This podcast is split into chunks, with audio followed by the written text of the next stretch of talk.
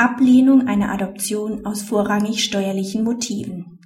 Stehen bei einer Erwachsenenadoption steuerliche Motive im Vordergrund, muss diese vom Vormundschaftsgericht wegen mangelnder sittlicher Rechtfertigung gemäß 1767 Absatz 1 BGB abgelehnt werden.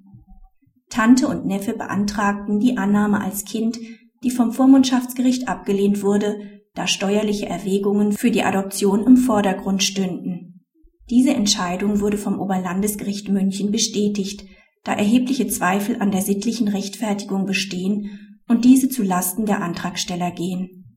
Gemäß 1767 Absatz 1 Halbsatz 1 BGB kann ein Volljähriger als Kind angenommen werden, wenn die Annahme sittlich gerechtfertigt ist.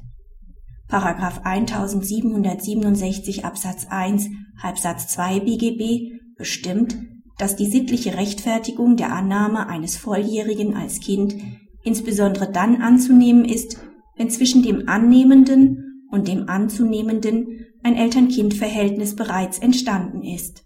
Ob die Annahme eines Volljährigen als Kind sittlich gerechtfertigt ist, ist Tat- und Rechtsfrage. Die Feststellung der einzelnen Tatumstände ist dem Tatrichter vorbehalten. Ein familienbezogenes Motiv muss entscheidender Anlass für die Annahme sein. Spielen mehrere Motive eine Rolle, so muss das familienbezogene Motiv das Hauptmotiv sein.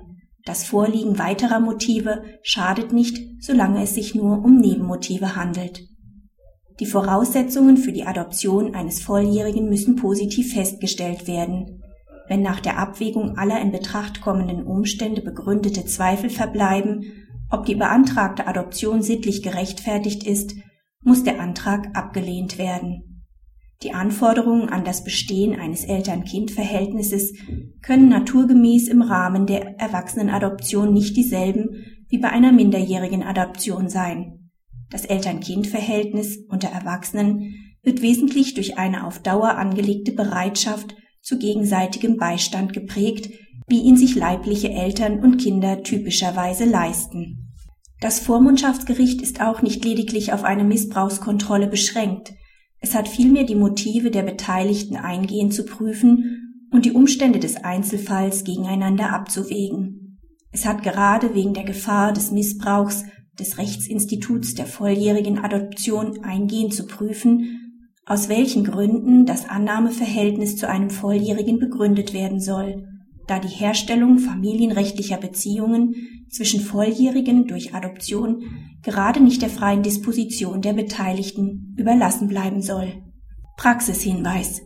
Die Erbschaftssteuerreform hat die steuerliche Belastung für entferntere Verwandte sowie Nichtverwandte erheblich verschlechtert, da in den Steuerklassen 2 und 3 der Steuersatz auf mindestens 30 Prozent angehoben worden ist.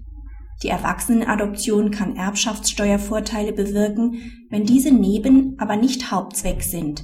Hierzu ist es erforderlich, dass die Antragsteller dem Vormundschaftsgericht darlegen, welche äußeren Umstände ihres bisherigen Zusammenlebens darauf schließen lassen, dass ein Eltern-Kind-Verhältnis im Sinne eines sozialen Familienbands besteht oder zumindest diese Entstehung in der Zukunft konkret zu erwarten ist